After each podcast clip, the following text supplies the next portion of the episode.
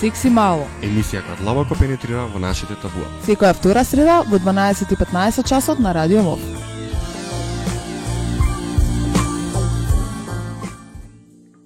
Уште една среда во истиот термин и во исти состав се дружиме во студиото на Радио МОВ. Ве поздравуваме, јас сум Јордан и со мене Селина и Тина. Здраво, здраво. А, пред да почнам со најавата на темата за која што ќе збориме, бидејќи неодамна изминаа празниците и одморите, кажете ми вие две девојчиња како си поминавте? Хм, неспремни, а? Јас ќе ви кажам, јас 4 дена бев во Србија и одморив и само јадев и спиев. Бев растени и вегетирав во кревет и гледав во една точка. И убаво ми беше. Веројатно е тоа како и ние исто си го поминавме празникот, како и сите си го поминале, па сега еве нова работна недела, па нови предизвици и слично за мене барам. Точно така, јас иако во учење го поминав, спремајки се за колак филмска, па после тоа испитна сесија, ама еве доаѓањето во радио, на пример, ние како рехабилитација или ре- Да, релаксација. мора да се служам со тоа секако. Само не спомнува испитни сесии. А, така, а, денеска ќе збориме за тема која а, е доста, како да кажам, чувствителна, а и во пресред на меѓународниот ден на борба против хомофобија и трансфобија 17 мај. Е, сега знам дека на Климентине е особено драга темава, па јас нема да должам многу, туку ќе и предложам на Климентина малце да не воведе во тоа што ќе зборуваме денес. Баш така, покрај различности и насилство, а, хомофобија дефинитивно дека ми е една од подрагите теми за која што сакам да зборувам. А, и зошто така? Заради тоа што нашата обштествена стигма во поглед на теми како што се хомосексуалност, трансродови лица, таа стигма кај нас лежи на многу проникливо тло. А и не само тоа, и денес ние сме на радио, ам, ви збориме на вас за една тема за која што ставовите треба да се не само отворени, туку и да се базирани на вистински информации, а медиумите неретко пишуваат сензационално. Хомосексуалноста како појава се разгледувала во минатото. Се разгледува и денес и сметам дека оваа тема ќе продолжи да биде доста актуелна. Некои ја осудуваат истата и ги подпираат своите ставови на оправдувања како Ма тоа е ненормално, се базира на кој зна какви генетски болести или се подпираат на Библијата и моралот. Некои пак ја поддржуваат, а некои пак ја разбираат и ем, без да му судат некому или да го деградираат. Затоа ќе кажеме дека хомофобијата не е ништо повеќе од термин кој им придава лажна вредност на оние кај кои отсуствува објективно согледување. А нам, како што кажав, бидејќи обштествената стигма ни лежи на многу проникливо ниво, и најмала интервенција може да предизвика, ајде да се изразам така, перење на мозоците, но за тоа нема поента ние да се караме меѓусебно, а туку вината треба да ја насочиме кон молкот на институциите и на надлежните кои треба да се погрижат за тоа. А тие обратно, директно или индиректно одобруваат таквите а, хомофобични ставови да станат абсолют за пошироката маса. А насилството пак или говорот на омраза дефинитивно дека се сосема нормална и очекувана последица од ненавремениот обид да се спречи нешто за кое традиционалниот модел послужил како оправдување и дека тоа постои како апсолутна вистина и дека не може ништо да ги побие тие ставови. Апсолутно се согласувам со тебе. А, јас па, гледав да истражам нешто повеќе околу тоа, знаеш некој вид дефиниции околу хомофобијата.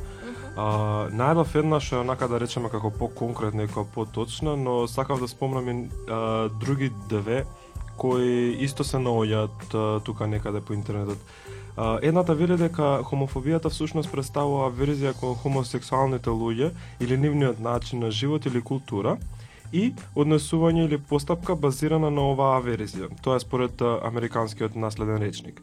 Е сега другата дефиниција а, и на еден начин идентификува хомофобијата како нелогичен страф од хомосексуалноста, а, страф или омраза, предрасуди и дискриминација против луѓе од хомосексуална ориентација или луѓе кои им се а, кои се сметаат за такви. Е сега, Она вистинската дефиниција што кај мене е подлечена со жолто е всушност дека хомофобијата, односно поимот хомофобија доаѓа од грчкиот јазик, односно од зборот хомос, што значи исти и еднакви, и фобос, што представува страв. А, хомофобијата како таква представува рационален страв, омраза, предрасуди или дискриминација против луѓе со хомосексуална ориентација, а вклучувајќи ги луѓето кои се а, така перцепирани. После вакви дефиниции и долги реченици кои што ја ставаат хомофобијата во некои си рамки, а, предлагам да преминеме на една мала музичка пауза, како би ве подготвиле и уште малку загреале за тоа што следи во иста оваа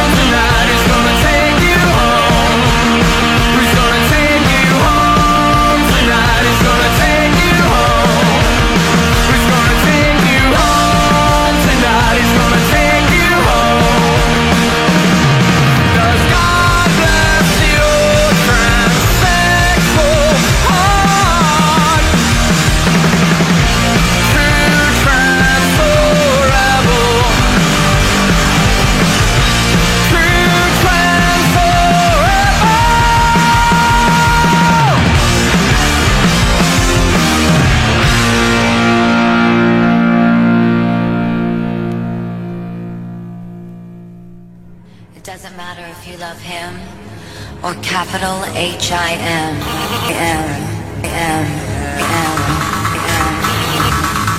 Just put your paws up, cause you were born this way, baby.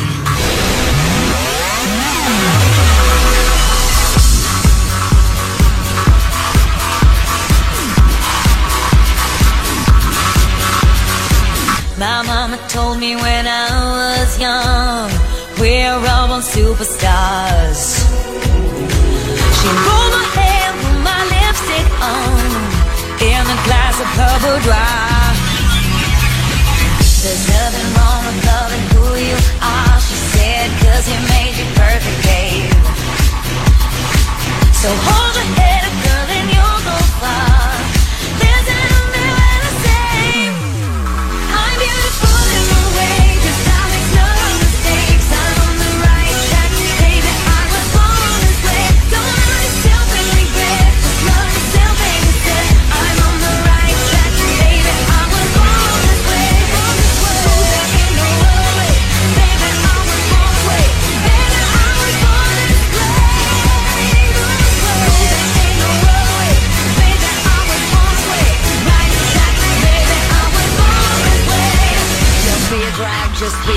Don't be a drag, just be a queen. Don't be a drag, just be a queen.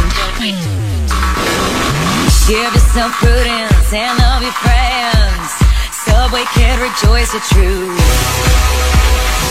In the religion of the insecure, I must be myself, respect my youth. A different law is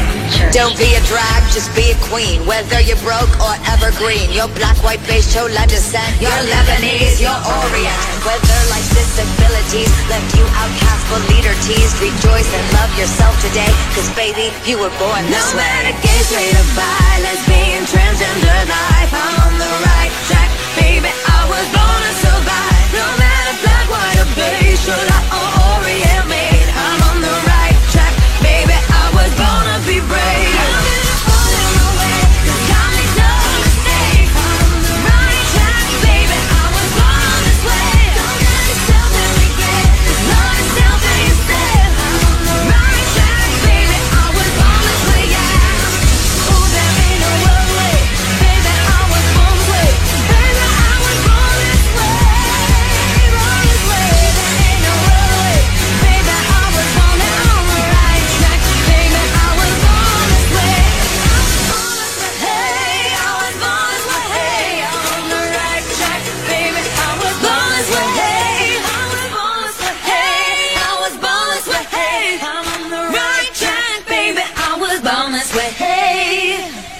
Fantasy.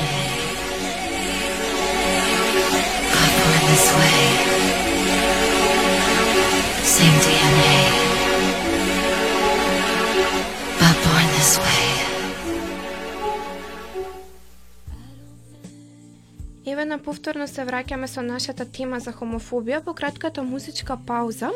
Веројатно ве замисливме од каде ви е познат зборот хомофобија доколку порано не сте го слушнале. Тоа веројатно би било по тоа што во нашиот град кружаа пароли или билборд со зборот хомофобија.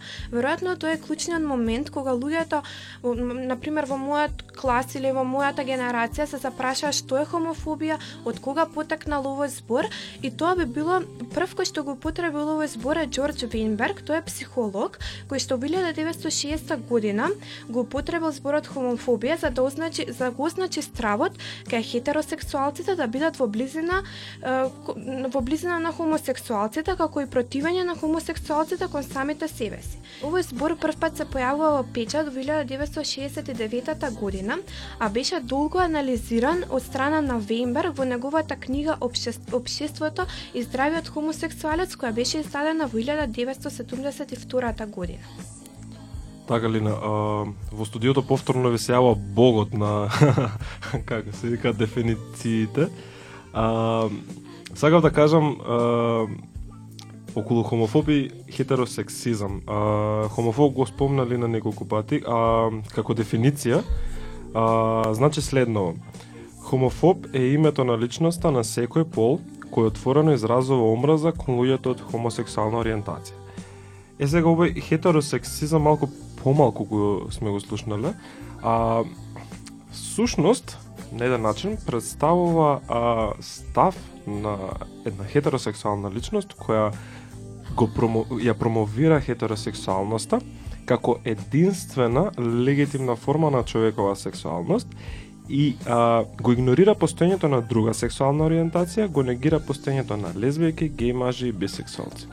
Супер што и текна на лина да ги спомне билбордите кои што беа посветени на хомофобија. и мене ми текнува на еден надпис од билбордите кој гласеше и хомофобите се луѓе. Кога го прочитав тој тоа, а, кај мене бар, а, беше потикнато прашањето што ќе беше ако уште од мали не учеа, не воспитува дека треба да ги прифатиме различностите како такви и дека и различностите се убави и дека не постои нешто нормално и ненормално, туку дека ние сме научени на нешто такво.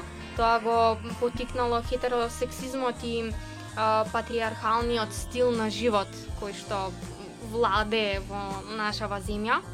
И би сакала да ве прашам вас, Јордан и Лина, дали мислите да доколку бевме воспитувани уште од мали, еве не мора да сме воспитувани, можеме да на училиште кога веќе растеме и градиме своји ставови, мислите ли дека ако учевме за различностите, а, ставовите на мнозинството во Македонија ќе беше барем во најмали размери поразлично? Верувам, верувам дека така би било затоа што а, знаеш кога ќе размислиш на она често се постава прашањето зашто сите тие паради, зашто се до тоа е устори да се крене гласот. Така, значи, да речеме пример, јас за абортус не знаев до пред два месеци, немав никаков став, но додека не почне некој да се креве, да се збори за абортусот, така, може и немаше никој да го имам став. Затоа, верувам дека нешто би било сменето ако уште од мали нозеви почне да се учиме. А, би ти предложил видео што го имам гледано на YouTube, но не сум сигурен точно како се вика, каде што замените се улогите на хетеросексуалните родители со хомосексуалните родители. А изглумени се ситуациите, тоа е совршено нешто да се гледат. Не сум сигурен како точно се вика. А, еве можам да ветам дека наредна емисија ќе дојдам со точниот назив на видеото. Малку да те поправам, може да ни ветиш дека веднаш по емисијава ќе го објавиме ова Може на и така. пејџот на секси Супер. мало. Одлично. Се согласувам Јордан со тоа што го кажа. Сметам дека многу влијае тоа што на пример децата ќе го научат во училиште, бидејќи на многу рана возраст, кај децата има многу работи кои што во училиштето сваќаат дека не постојат, на пример научната фантастика како еден дел ги подкрепува со информации дека не постои, тие веруваат во тоа и сметам дека доколку во училиште се појават вистински информации за она што е хомофобија, не само хомофобија, туку и сексуалното и репродуктивно здравје, уште во најмала возраст тие ќе создадат слика за вистинското и за реалното живење понатака во својот живот. Така, значи ви се согласиле дека а, хомофобијата а, не е ништо туку едно замислено множество на пристрасност, а, воглавном предизвикано од неинформираност или пак дезинформација. Исто така случајот со сексизам или расизам, каде што луѓето стануваат хомофобни според активноста на општеството и културата која што се води од предрасуди. Митовите за лесбејки, геи и бисексуалните луѓе продолжуваат да се пренесуваат во општеството и покрај достапноста на точни информации и желбата на некои медиуми да а, ги информираат своите слушатели или гледачи на она што е на вистина точно. И најверојатно затоа многу возрастни луѓе продолжиле да веруваат во стереотипи кои што ги научиле од детството или некои религиозни и конзервативни работи кои што се базираат на моралот или на црквата или на Библијата. А, затоа достапноста на информација останува на медиумите најмногу, кои што за жал неретко пишуваат сензационално. И токму поради тие предрасуди се појавува еден нов поим кој се вика интерперсонална хомофобија, ги вклучува малтретирањето и индивидуалните дискриминации. А, овој поим може да се објасни со оглед на психолошките фактори во врска со предрасудите, односно латентно за хомосексуалните и бисексуалните лица. А, луѓето што не се сигурни во а, врска со својата сексуалност или кои се чувствуваат загрозени од хомосексуалци и или бисексуалци или се стремат кон нивните убедувања, односно повикувајќи се на се во а, исто време на нормалност или религија. Би сакала да го споменам фактот дека хомосексуалноста постои кај животните. Еден доста интересен факт кој што трпи доста видови на дискутабилни теми и слично. Од 3000 испитани животински видови, хомосексуалноста е, кај забеле, е забележана кај лјадници животински видови, како боново, шимпанзо, кои важат едно од најблиските живи роднини на луѓето, и во овој вид околу две третини од, ис- од испитаните бонбо шимпанзо, активноста на хомосексуалноста се појавила помеѓу жените. Потоа јапонските макаки, американските бизони, делфините, жирафите, антилопите, црните лебеди, сините китови и многу, многу други.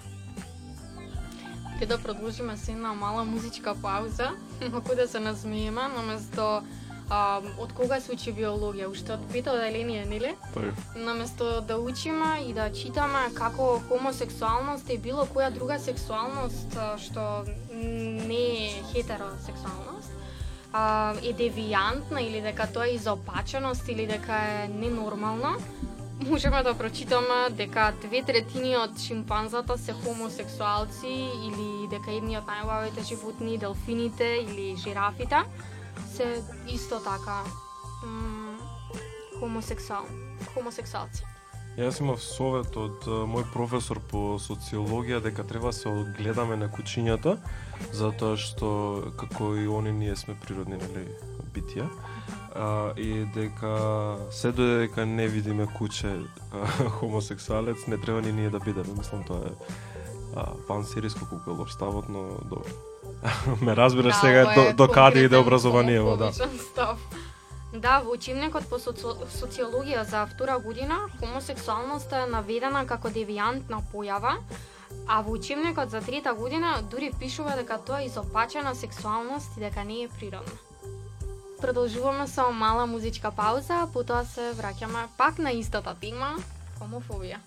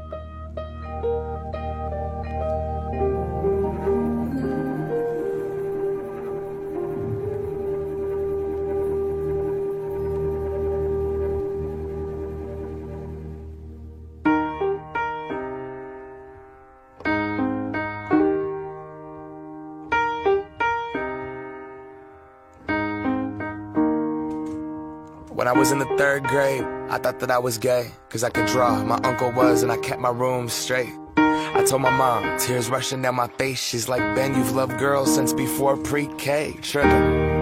Yeah, I guess she had a point, didn't she? Bunch of stereotypes all in my head. I remember doing the math, like, yeah, I'm good at Little League. A preconceived idea of what it all meant. But those that like the same sex had the characteristics. The right wing conservatives think it's a decision. And you can be cured with some treatment and religion. Man made rewiring of a predisposition playing God. Oh nah, here we go. America the brave still fears what we don't know. And God loves all his children. It's somehow forgotten, but we paraphrase a book written 3,500 years ago. I don't know. and I can't change. Even if I tried, even if I wanted to,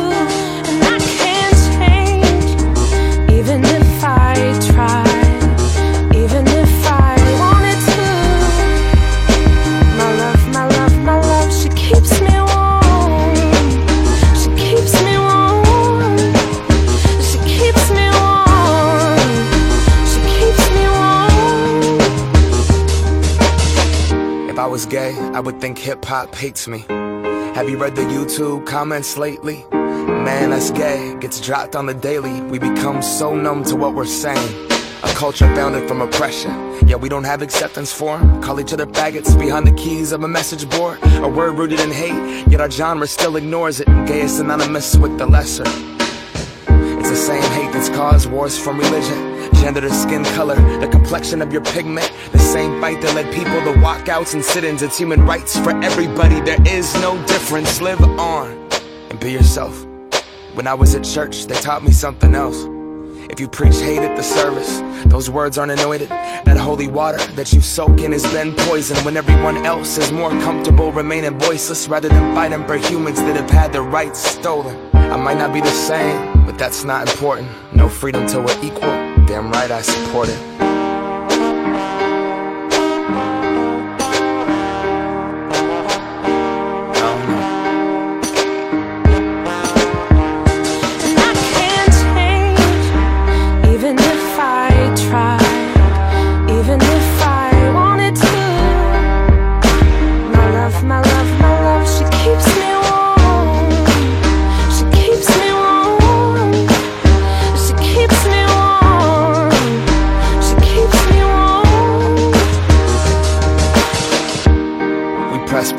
Don't press pause. Progress march on with the veil over our eyes. We turn our back on the cause till the day that my uncles can be united by law. When kids aren't walking around the hallway, plagued by pain in their heart. A world so hateful, some would rather die than be who they are. And a certificate on paper isn't gonna solve it all, but it's a damn good place to start. No law is gonna change us. We have to change us. Whatever God you believe in, we come from the same one. Strip away the fear, underneath it's all the same love. About time that we raised up. I can't Sex-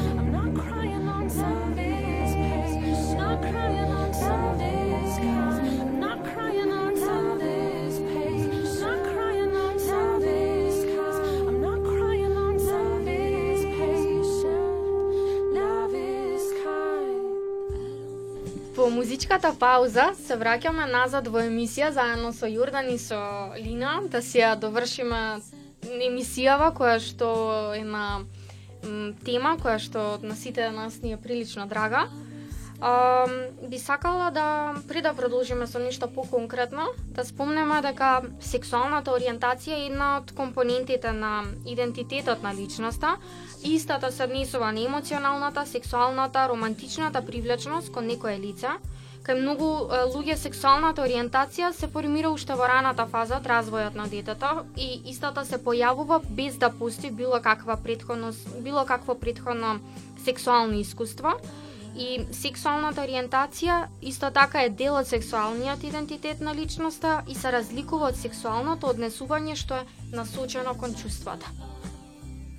Јордан, Така, а, а, секој треба да се води од собствените чувства и верувањата и никој нема право да му забрани ниту пак да се а, замери на некој друг да го прави тоа истото. А, реално сведоци сме на тоа како реагира светот на хомосексуалноста без а, предрасуди. А, како тие водат нормален, па дури и успешен живот, а тука би сакал да ги набројам и еден од, мислам, некои од познатите личности, како Елтон Џон, Џорџ Майкл, Джеймс Дин, Елен Дедженерес. А, тие се задоволни со тоа а, какви што се и а, ние како демократско општество со модерни сваќања би требало да ги а, поддржиме во нивните ставови, верувања, убедувања и чувства. Оно што за мене е доста интересно е хомосексуалноста и филмот. Свесни сме дека хомосексуалноста е застапена во филмовите. Например, Сексот и градот, односно недобриот пријател на Кери прави гламурозна венчавка, односно геј венчавка. Исто така во серијата Вовед во анатомија во петата сезона две докторки специјалисти развиваат страствена лесбеска врска. Ни тоа нималку не ја пречи една слика која што претходно имавме створено кон оваа серија. Она што сакам да ви го предложам е да го погледнете филмот Милк, односно биографската приказна за Харвей Милк, кој што бил политичар и активист во Америка и неговите движења. Исто така мислам дека ќе ви пробуди една нова слика за тоа што за употребата на хомосексуалноста во филмовите и како тоа Западот е толку развиен и толку ја употребува хомосексуалноста, со тоа повеќе не е ни воопшто срамно и е, е реално и вообичаено да се види во филмовите, кај нас се сусема различна приказната и верувам дека доколку би дошле до овој степен, ние би живееле во рај. Да. А, предлагам да во следната музичка пауза, бидејќи во наредната емисија ќе продолжиме со хомофобија, само а, ќе збориме поконкретно за трансфобија. Ајде во оваа музичка пауза да чуеме некои познати трансродови лица кои што настапувале на Евровизија, како што беше случајот со Кончита или а, Фифи, која што е од Македонија и која што прилично добро се прослави на X-Factor. на X Factor, така, точно. А, и мислам дека супер се тие нивни појавувања во јавноста, прво затоа што било какви коментари да побудија, а, ја зголемија свесноста и такако за тие личности. Јас не знам дали се сеќаваш на Дани Интернационал, Дана Интернационал, не сум сигурен точно како се викаше, тоа е а, победничка евровизијска песна, не сум сигурен во која година и мислам дека доаѓа од Ирска Мгм. или Исланд. Ја чуеме. Ке ја чуеме. Така, продолжуваме со музичка пауза, па се враќаме назад во емисија.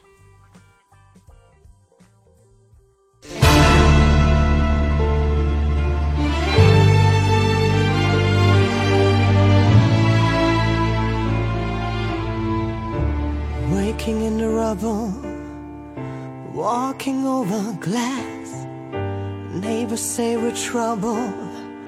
Well, that time has passed. Peering from the mirror, no, that isn't me. A stranger getting nearer. Who can this person be? You wouldn't know me at all today. From the fading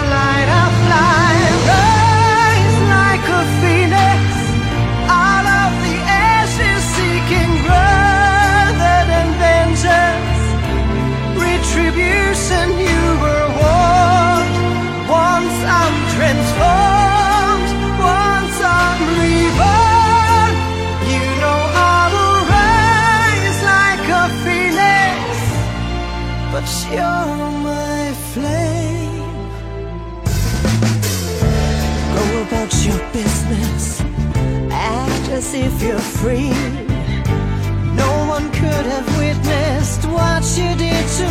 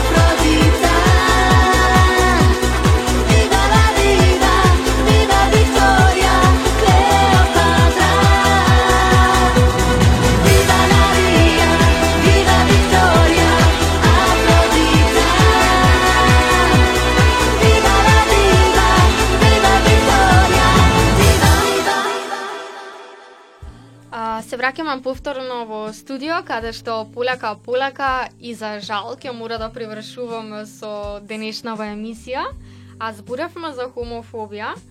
Ам, ајде пред да ја спомнам уште еднаш како еден заклучок, а, реалната состојба во Македонија по повод оваа тема, да почнеме со една убава вест што се случи пред еден месец во Шведска, каде виножитото на гордоста, односно глобалниот символ на движењата за права на лесбијките, хомосексуалците, бисексуалците и трансполовите личности, а, беше а, една од поштинските марки која што се издаде. И со ова не само што а, државата сакала да ги поддржи, да ја поддржи оваа заедница, туку и со тоа промовираше дека а, треба да ставиме акцент да ги а, гледаме луѓето како а, да ги процениме луѓето според нивните вредности и силата која што тие ја представуваат а, со нивните уникатни квалитети и различности. За жал, кај нас а, не беше баш така, поготово во изминатиот месец кога за време на а, протестите и така познатата шарена револуција, А, порталот Пулс 24 МК издава вест, односно статија со наслов Шарена револуција или LGBT револуција. Медиумот кој што ја објави оваа вест а, предизвика а, говор на омраза и допреа до внатрешните чувства на публиката, што исто така за жал потекнуваат од стереотипите кога ќе се спомне нешто поврзано со LGBT заедницата. И кога станува збор воопшто за било какво прашање поврзано со оваа уште една маргинализирана заедница кај нас, говорот на омраза е оправдан во јавноста како одбрана на нормалниот начин на живот, нормалниот во наводници, а ефектите од постоичките стереотипи за сексуалната организација и патриархалниот поглед кој секако дека доминира кај нас, се појавуваат како несумни, несумнени и апсолутни вистини, кои што Си што е спротивно на тие вистини е болест, аномалија, изопаченост, девијантна појава и слично, што ниту има никаква врска со биологијата, ниту со психичкото здравје на личноста, туку служи само за маргинализација на тој или таа што не практикува хетеросексуален или ако сакате патриархален животен стил. Она што можеме да го направиме на индивидуално ниво покрај емпатијата и ам, отворениот и широк поглед кон светот е уште еднашка да се подсетиме на декларациите кои што постојат и човековите права кои што ам, доволно зборуваат дека ам, моето ам, моето право почнува таму каде што завршува твоето, неговото, незиното право и дека различностите се убави, секако дека треба да ги почитуваме како такви. Климентина, ке гледам ова да го снимам и да го објавам на YouTube овој твој мотивирачки говор. А, верувам дека кај некои поединци ќе може да видиме и солзи. а, ама реално ми се допаѓа. А, за крај, а, сакам само да ве поздравам, драги слушатели, а, да ви порачам да не следите на нашата фан страна Секси Мало на Facebook и да останете со убави мисли и ведрина до средата за две недели. Така? Точно А, така. Тина и Лина, чао. Чао, Чао, чао, чао. дечки.